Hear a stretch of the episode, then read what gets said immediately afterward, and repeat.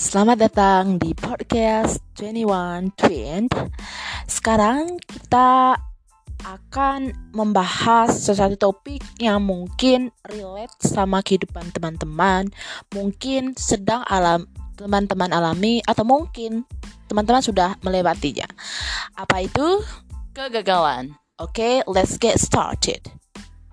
Menurut Ecik, apa sih itu kegagalan dan mengapa orang-orang itu takut untuk gagal?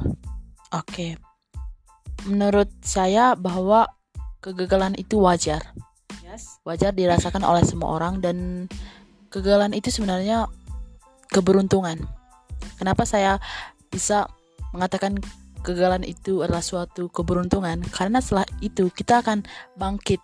Setelah itu kita akan menemukan jalan-jalan yang bisa apa yang yang bisa membuat kita kuat gitu. Kita saling menguatkan. Dan sebenarnya orang semua orang wajar. Dan ya harus merasakan kegagalan dulu. Habis itu atau setelah itu uh, bisa meraih impiannya. Ya betul banget sih apa yang dikatakan Ecik. Dan kita perlu belajar dari kegagalan dengan kegagalan, kita belajar bagaimana untuk tidak melakukan kesalahan yang sama di masa depan. Dan menurut saya, jika kita melakukan ke kegagalan itu is normal because it's it's human, right? Benar banget. Dan kegagalan bukan berarti kita apa yang kita ambil itu salah. Kegagalan bukan berarti hal-hal negatif yang kita ambil tapi sebaliknya, kita diberi kesempatan untuk belajar lagi, untuk mengambil langkah yang lebih mudah gitu.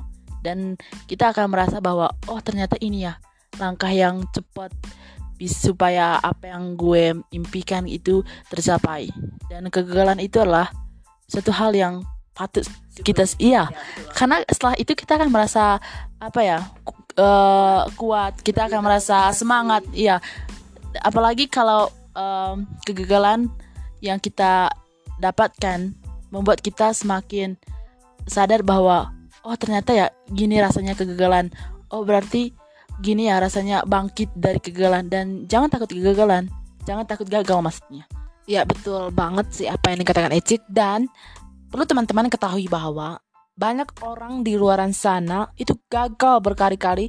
Tapi mereka tidak pernah putus asa, mereka tidak pernah berpikir untuk berhenti berjuang, berhenti berjuang untuk menggapai mimpi-mimpi mereka karena seperti yang teman-teman ketahui seperti J.K. Rowling, dia dulu ditolak oleh berbagai banyak penerbit tapi dia tidak mau uh, putus asa. Dia terus menerus hingga akhirnya Harry Potter sangat disukai oleh banyak uh, orang di di seluruh dunia maksud saya.